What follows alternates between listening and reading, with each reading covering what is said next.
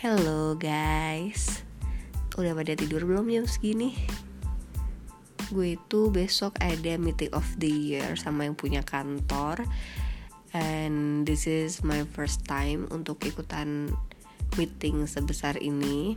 Jadi yang ada gue tuh malah gak bisa tidur saking kepikirannya. Cuman mau buka laptop mata tuh udah kayak udah lelah gitu loh.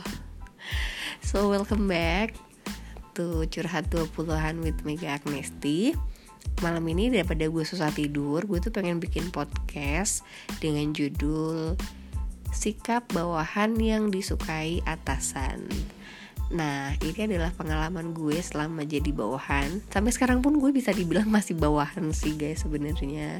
Cuman ya karena karirnya naik naik naik naik terus dari staff, supervisor, asmen, terus sekarang jadi manajer tentu ada banyak challenge yang gue hadapi gitu. Kalau dulu jadi staff jadi supervisor tentunya challenge-nya berbeda ketika gue jadi asmen maupun jadi manajer. Cuman gue pengen memperlihatkan gitu bahwa mau sampai posisi manajer manajer pun gue tuh masih bawahan gitu. Dan sikap seperti apa sih yang disukai oleh atasan? Hmm, karena gue juga sudah pernah mengalami menjadi atasan ya maksudnya sampai sekarang gue masih uh, ada di posisi itu. Uh, jadi gue tuh kayak bisa kasih tahu kalian secara fair gitu apa sih yang gue suka dari tim gue gitu. Udah siap? Biasanya nih kalau kita baru masuk kerja setelah lulus kuliah kita tuh akan mengalami lack of knowledge lack of understanding tentang the whole environment kita. Karena masa kuliah tentu saja dong berbeda sama masa kerja gitu. Dan it takes a year sih for me untuk adjusting. Karena gue tuh dulu zaman kuliah kayak tipe-tipe Barbie girl gitu loh yang kalau sehari-hari tuh kerjanya nggak yang kerja berat. Kemudian hmm, tipikal yang pengen tampil stylish terus masih suka pakai heels terus um, suka banget kalau Jumat siang tuh ke salon.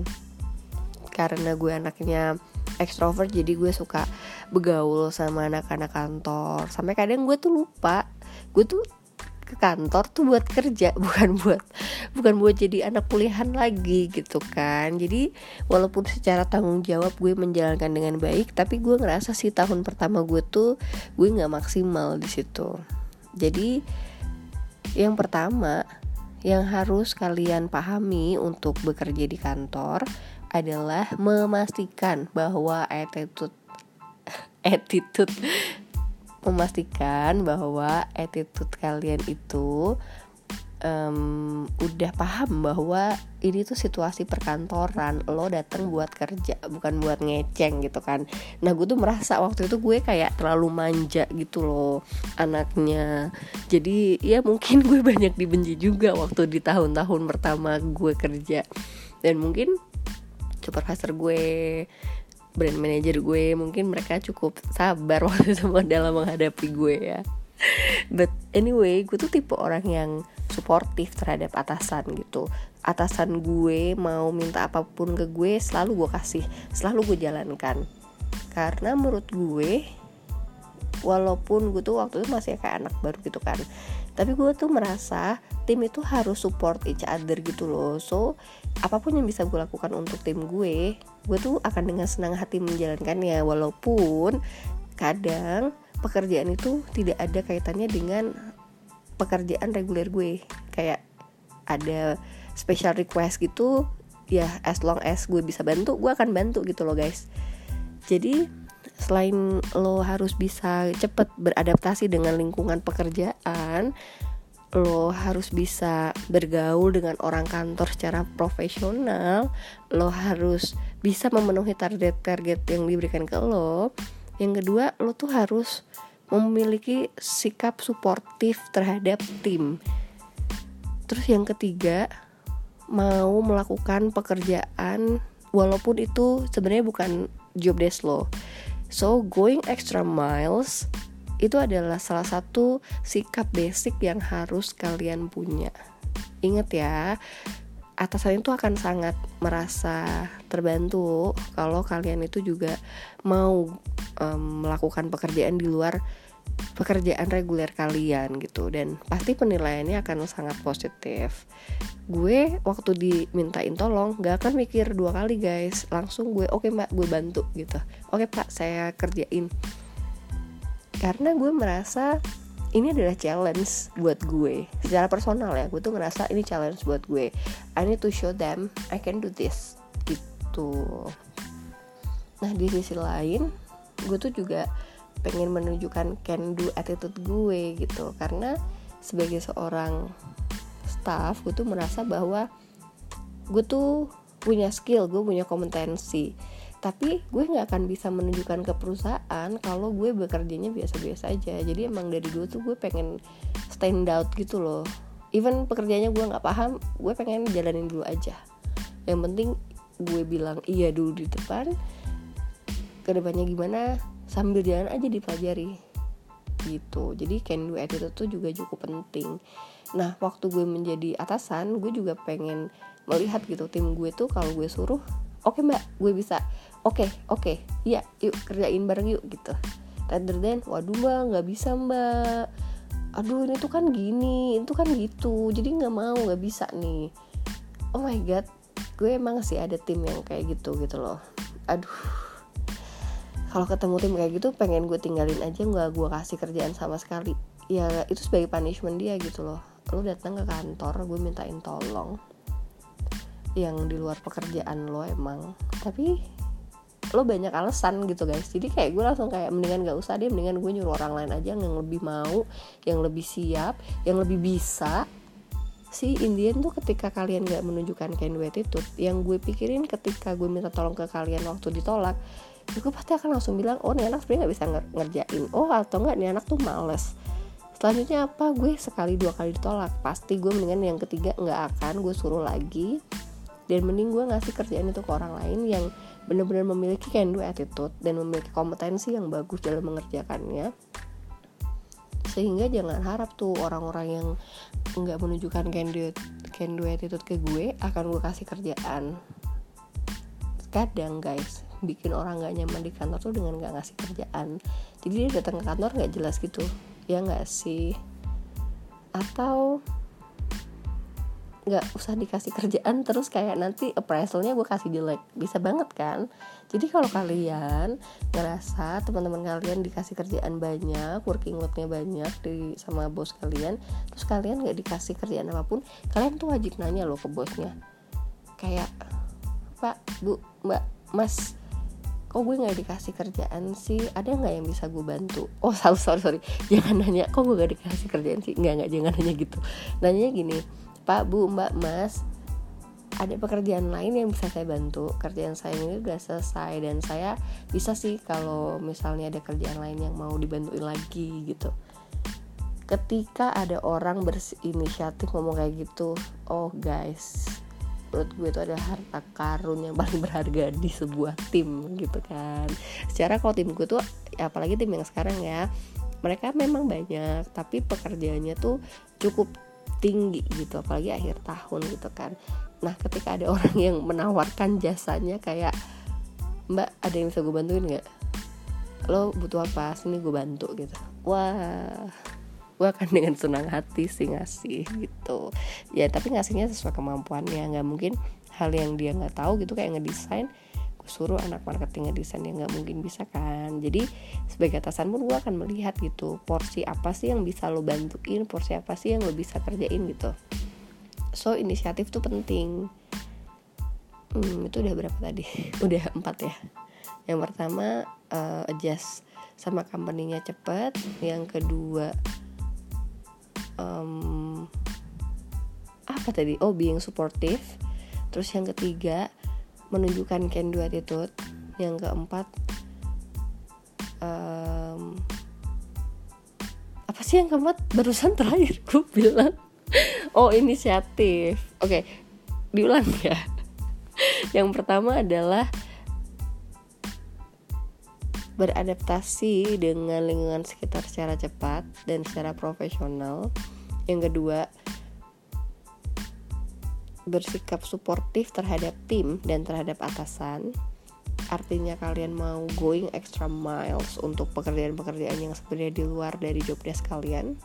Yang ketiga adalah menunjukkan can do attitude dikasih kerjaan apa pun selama itu benar selama nggak menyimpang dari aturan kantor diain aja. Nanti gimana caranya belajar sambil jalan sambil nanya terus ke atasan kalian. Dan yang terakhir adalah uh, inisiatif. Jadi inisiatifnya tuh harus dikeluarin guys. Nggak cuman inisiatif mengenai um, nawarin bisa bantu kerjaan apa ya tapi kayak inisiatif misalnya memulai project baru. Kita mau bikin campaign nih. Enaknya kita bikin apa ya? Nah di situlah inisiatif juga berjalan. Kayak kalian tuh kasih kasih ide gitu. Mau direalisasiin mau enggak just share it out kasih tahu aja gitu loh kayaknya bikin A bagus deh kayak bikin B bagus deh Nah, hal-hal seperti itu loh yang atasan tuh butuhkan saat diskusi gitu. Terus selanjutnya apa lagi ya? Oh, bekerja cepat dan sistematis. Cepat namun sistematis gitu ya. Jadi kadang tuh kan semua pekerjaan pasti ada deadline-nya kan. Nah, gue tuh akan appreciate kalau um, pengumpulan pekerjaannya tuh bisa sebelum deadline gitu kan. Tapi ngumpulin sebelum deadline pun jangan asal-asalan gitu. Gue tuh suka banget ya kalau misalnya ketemu orang hmm, gue minta kayak submit project A hari Selasa gitu. Dia udahlah ngirimnya Selasa malam ya kan. Udah malam ngirimnya tuh jelek banget ini kayak literally jelek. Kalau nggak jelek gue nggak akan ngomel-ngomel sih. Jadi udahlah lu telat ngumpulinnya. Bukan telat sih kayak selasa bener-bener selasa malam sebelum jam pulang gitu. Terus udah gitu jelek. Terus gimana sih? Gue nggak kesel ya kan? Jadi ya kerjainnya dengan sepenuh hati gitu loh. Jadi kalau misalnya deadline-nya selasa pokoknya gimana caranya? Kalian hari senin hari selasa pagi jauhin semuanya pekerjaan gimana caranya lo menepati si deadline itu gitu kan. Nah ngerjainnya pun jangan asal-asalan harus bener-bener dari hati. Semua pekerjaan itu kalau dikerjain dari hati hasilnya tuh beda guys. Jadi nggak cuman buat relationship ya. Bekerja pakai hati tuh sesuatu yang wajib banget kalian jalanin di kantor gitu. Dengan begitu tuh hasilnya akan berbeda. Termasuk dengan deadline kalian harus bisa set priority gitu ya gue sebagai atasan gak akan menuntun kalian oh iya ini tuh harus set priority nomor satunya ini nomor dua ini nomor tiga ini. Ketika kalian working loadnya tinggi mungkin atasan tuh masih bisa bantuin untuk setting priority. Tapi kalau lagi atasannya juga working loadnya tinggi juga gimana? Jadi cukup diajarin sekali dua kali. Nah yang ketiga ketiga kalinya tuh kalian harusnya udah bisa jalan sendiri gitu kalau misalnya kalian nggak bisa set priority datangi bos kalian tanya bos gue nggak bisa nih um, dikasih deadline segini banyak semuanya barengan. Tolong dong bantu setting prioritinya kayak apa. Yang nomor satu harus gue selesaiin dulu apa nomor dua apa nomor tiga apa. Talk to your boss. Itu tuh akan sangat membantu banget sih guys. Karena gini kadang kan sebagai atasan ya gue suka ngasih kerjaan gitu. Deadline juga gue kasihnya uh, sesuai yang gue harapkan waktunya kan. Nah tapi kadang kan kalau gue nggak nge-recap semua project itu jadinya kan kayak nyebar nyebar nyebar nah gue tuh nggak tahu juga deadline kalian tuh kapan aja gitu kalau misalnya lagi banyak ya. So kalau kalian nggak bisa making priorities datang aja ke bos kalian coba diskusi baiknya gimana nih mana yang gue duluin. Jangan semuanya satu hari tapi ngaco gitu. Nah atasan lu juga akan seneng kok kalau lo kayak gitu diskusi aja. Karena diskusi dengan atasan itu bisa memudahkan kalian dalam menentukan prioritas. Kemudian dalam uh, menentukan konsep. Maksudnya kayak gini oke okay, lo nyuruh gue ngerjain A. Gue ngerjainnya kayak gini ya A B C D E gitu. Atau lo maunya gimana gue ngerjain? Jadi ada komunikasi dua arah. Nggak cuman bos kalian nyuruh kalian ngerjain A kalian bingung kalian buat suka hati itu salah gitu. Udahlah salah. Digulnya pas deadline-nya dia aja loh gitu kan. Jadi kalau kalian ngerasa nggak ngerti konsepnya jangan malu buat minta ajarin gitu loh. There is no stupid question. So mendingan daripada sesat di jalan ya mendingan lo tanya dulu. Oke okay, lo maunya gue bikin konsep kayak gimana nih? Yang gue jalanin poin A B C D E ya sudah sesuai dengan ekspektasi lo belum? Atau ada yang harus gue rubah dulu nih sebelum gue jalan? Itu guys. Selain bekerja cepat dan efisien harus ada diskusi dua arah antara bawahan dan atasan. Dan menurut gue kalau atasan lo bener diskusi itu akan membawa hasil yang baik kok buat kedua belah pihak. Atasan lo bisa memberikan penjelasan clear sehingga dia juga merasa bahwa nggak akan bolak balik nih ya kan? Karena bolak balik itu juga capek sih di di sisi atasan gitu kan. Sementara dari sisi kalian kalau dari sisi bawahan gitu ya bisa lebih jelas maunya tuh apa. Yang paling penting ditanyain ekspektasinya bagaimana ya kan? Terus mana sih ketika ada banyak pekerjaan yang jadi priority utama tuh yang mana dulu gitu kan ngomongin time management tuh dulu juga gue agak kacau sih waktu pegang 7 brand. Kebayang dong 7 brand dan semuanya tuh brandnya aktif gitu kan. Jadi semuanya tuh prinsipal minta report tanggal 5 semua prinsipal. Mana dulu yang nih yang gue harus harus duluin gitu kan. Nah gue ngobrol lah sama bos gue. Mana nih yang harus gue duluin? Semuanya minta tanggal 5 gitu. Ya udah lo mulai dari yang paling gede dulu karena dia yang paling disiplin. Terus selanjutnya sama yang B gitu karena mereka anaknya cukup uh, tight dalam nge ngejagain si timeline gitu kan. Jadi pada akhirnya gue dapat masukan kan dari bos gue gitu. Bahkan bos gue waktu gue bilang ke dia I cannot make this kind of priority. Lo minta satu hari semuanya gue kumpulin tapi gue aja tuh kayak sekarang tuh gue harus ngerjain A B C D E. Gimana nih caranya gue biar bisa deadline terpenuhi gitu kan? Lo tau nggak guys? Gue dikasih apa sama bos gue? Schedule board. Schedule boardnya tuh bukan yang satu lembar gitu tapi satu tahun. Lucu banget. Jadi schedule boardnya ini gede gitu kan gede terus itu kertas hari Senin sampai hari Jumat apa hari Minggu gitu ya. Jadi itu kayak weeklynya apa dailynya apa bahkan daily itu kayak pagi sampai sore itu ada poin-poinnya. Itulah pertama kalinya gue eh, belajar time management dari bos gue gitu ya it's so helpful gitu pada akhirnya. Walaupun kayak gue kesel ya disuruh nulis gue harus ngerjain mana dulu nih terus deadline-nya kapan terus tiap ada progres gue harus coret itu semuanya. Tapi pada akhirnya tuh yang bikin gue apa ya disiplin dalam waktu juga supaya waktu gue tuh lebih efektif dan efisien gitu.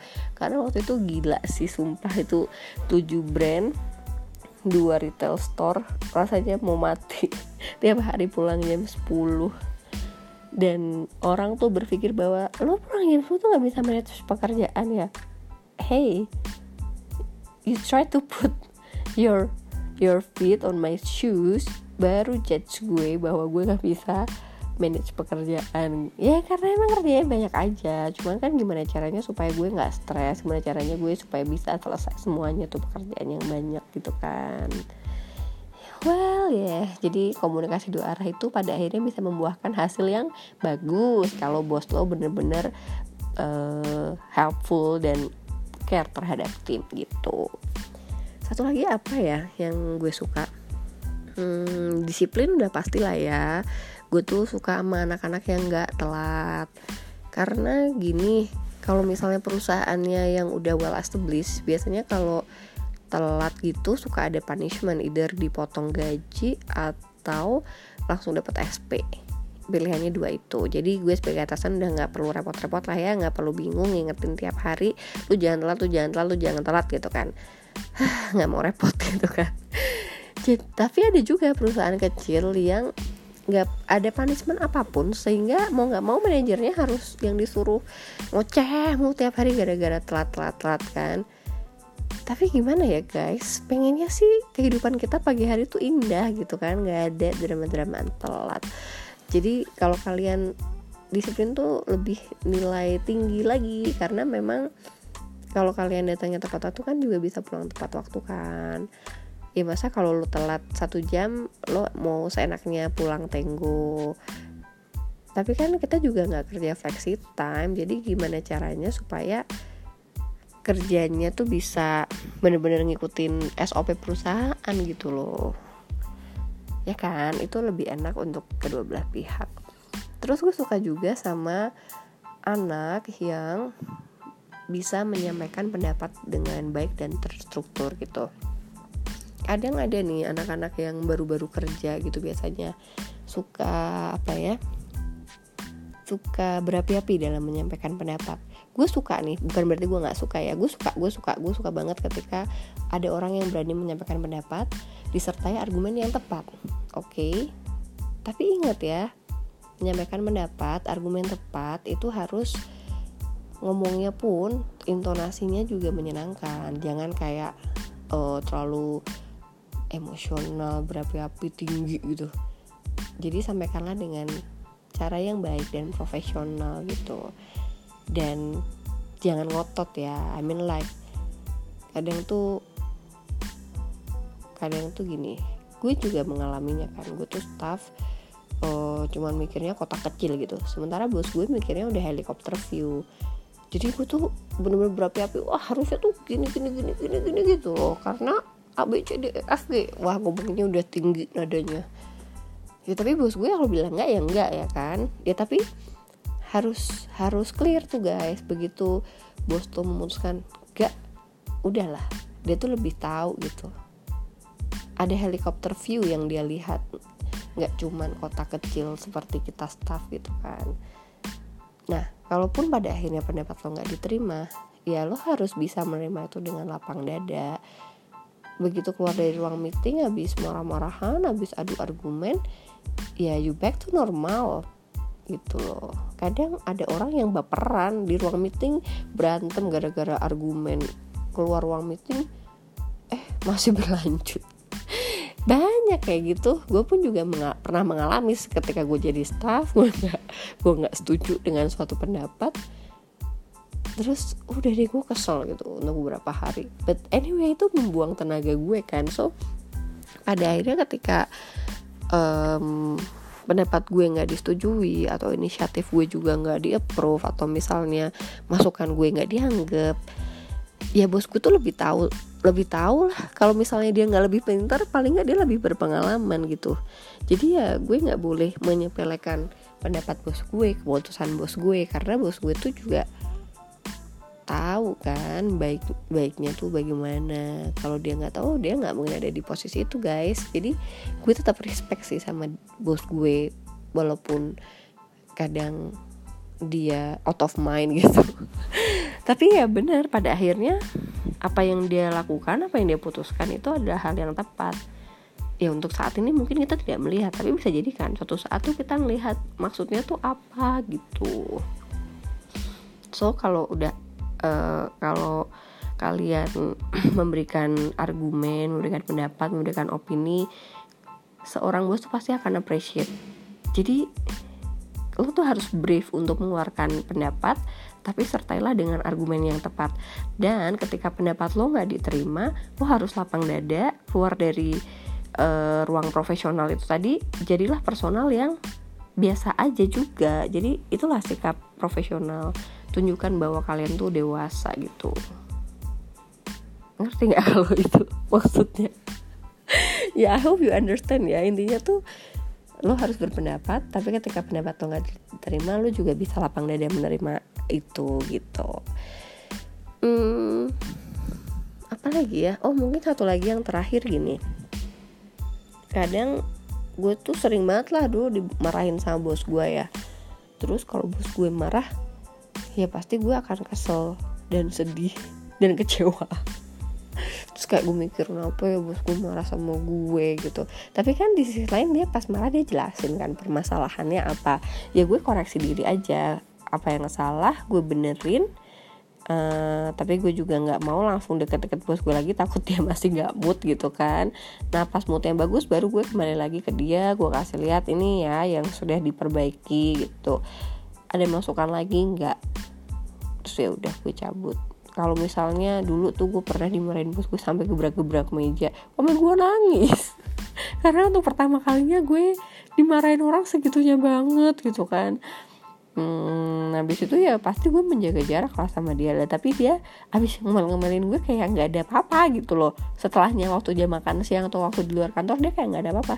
Jadi ini orang apaan sih? Udah habis marah-marahin gue sok-sok nggak kejadian apa-apa gitu. Sok-sok baik lagi habis itu. Ya tapi emang gitu guys. Di profesional dia marah. Marahnya secara secara profesional nggak menyerang personal gitu ya. Jadi ya kalau misalnya bos lo marah terima aja. Jangan ngelawan balik yang bikin dia kesel gitu. Orang marah tuh udahlah. Udahlah dengerin dulu aja iya iyain aja dulu kalau misalnya mau berargumen nunggu dulu aja. Soalnya kalau nggak gitu makin lama marahnya. Makin panjang. Itu gue sih nggak tahu ya kalau lo. Tapi menurut gue kalau orang marah dengerin dulu aja. Waktu itu gue pernah juga nih ada bos yang parah gila. Ah parah banget sih. Orangnya tuh hampir ngelempar HP ke muka gue gitu. Saking emosinya. Akhirnya dia buang ke arah lain.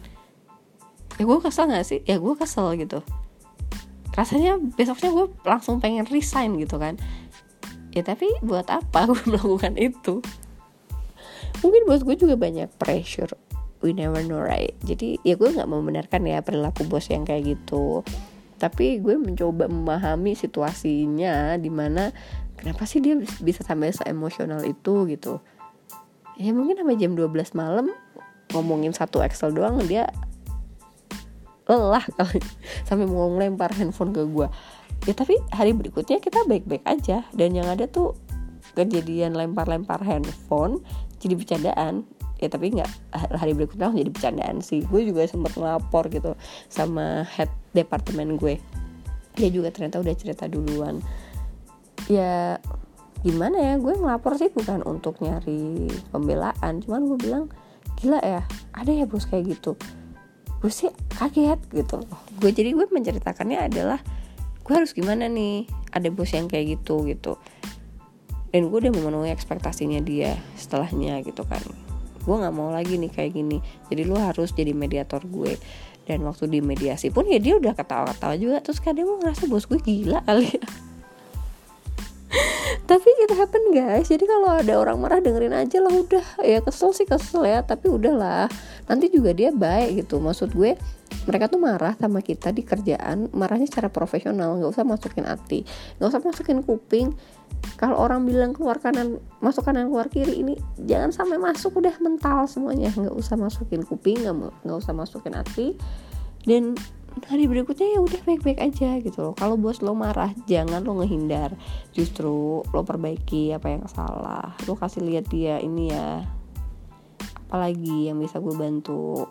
Ekspektasi, ekspektasi lo gimana? Ini udah memenuhi ekspektasi lo belum? Kalau belum kasih tahu gue gimana caranya supaya gue bisa memenuhi ekspektasi lo. Gitu. Dan jangan baperan deh pokoknya kalau misalnya lo butuh waktu untuk menghindar sama dia ya udah take your take your time satu dua hari. Abis itu lo sebagai tim lo yang harus nyamperin dia. Gak ada tuh cerita bos nyamperin bawahannya gitu. Jarang sih ya gue lihat ya. Ya kalau nyamperin ya paling jam makan siang terus kayak nggak ada apa-apa gitu loh. Ya kadang bikin kesel juga kan. Tapi ya ya emang harus begitu. Maksudnya jadi atasan jadi bawahan pun kita nggak boleh baperan. Kalau lo dimarahin ya itu dimarahinnya dalam konteks profesional. Yang penting secara personal dia nggak benci lo lo juga nggak boleh benci dia gitu. Bos gue yang dua-duanya galak itu sampai sekarang gue masih berhubungan baik sama mereka. Cuman ya karena mereka suka ngomel-ngomelin gue kayak gitu gue nggak mau berteman secara personal. Karena gue takut gitu. Nanti nggak fair jadi gitu guys. Kalau ngomongin apa saja yang disuka bos dari bawahan mungkin kurang lebih pengalaman gue bisa kalian jadiin pelajaran ya. Walaupun kalau dipikir-pikir apa ya? Waktu gue jadi waktu gue jadi bawahan tuh oh satu lagi nih. Satu satu satu satu lagi satu lagi. Yang paling penting menurut gue ya ya gue tahu sih ngomongin bos tuh menyenangkan gitu. Cuman gue sangat menghindari banget guys kalau misalnya nih uh, ngumpul sama teman-teman kantor dia makan siang atau coffee shop atau pas lagi ngebir-ngebir gitu bahas bos gue yang ngehe banget. Gue nggak suka sih karena menurut gue gak tahu ya mungkin ini satu dari 100 orang kali yang punya pemikiran kayak gue gitu. Cuman gue nggak suka ketika ngomongin orang di belakang kayak apalagi kadang ngomonginnya udah bukan masalah kerjaan aja tapi tentang social life-nya dia. Kayak misalnya nih ya iyalah dia kayak gitu orang dia belum punya pacar pasti dia tuh nggak punya kerjaan. Ya, makanya dia suka suka sukanya uh, ngeributin kita di grup waktu weekend. Ada kan yang ngomongin kayak gitu. Atau misalnya wah oh, gila sih dia. Ya ya iyalah lu kerjanya banyak banget. Orang dia hobinya cuti mulu nggak pernah kerja liburan ya iya lo yang disuruh ngerjain like I mean atau misalnya kayak apa ya? Oh iya nih si bos gue masa gue yang disuruh bayar denda lah apa ya guys? Cukup sekali aja gitu nyeritain gak usah dibawa-bawa sampai seterusnya. Nanti lu ketemu orang makan siang habis lu kesel lo ceritain itu. Nanti jumat malam lo ngebir lo ceritain itu lagi. Nanti hari minggu lo coffee shop sama temen lo ceritain gitu lagi. Gitu aja terus. Yang ada nanti lu jadinya nggak konsen sama performance lo sibuk ngurusin bos lo gitu. Sibuk nyari jeleknya dia. Sibuk nyari hal yang bikin lo kesel sama dia gitu. Sementara kalau bos um, gimana ya satu hal sih yang nggak boleh bos lakuin menurut gue ya. Kayak stalking sosial medianya staff lo. Ya kadang kadang emang perlu tahu gitu loh staff lo tuh kalau weekend ngapain. Dan emang kalau kalian follow each other kan ya bisa lihat kan. Tapi ya please lah kalau misalnya dia lagi having a good time dan gak terlalu ada katanya sama pekerjaan terus jadi kalian suka stalk terus komenin gitu atau malah diomongin di belakang sama sesama peer kalian. Janganlah I mean like kalau udah di luar kantor tuh kaitannya udah personal nggak usah bawa, kerjaan lagi lah gitu. Unless ya malam ini staff lo clubbing paginya dia izin nggak masuk karena katanya sakit. Nah itu ya bisa tuh.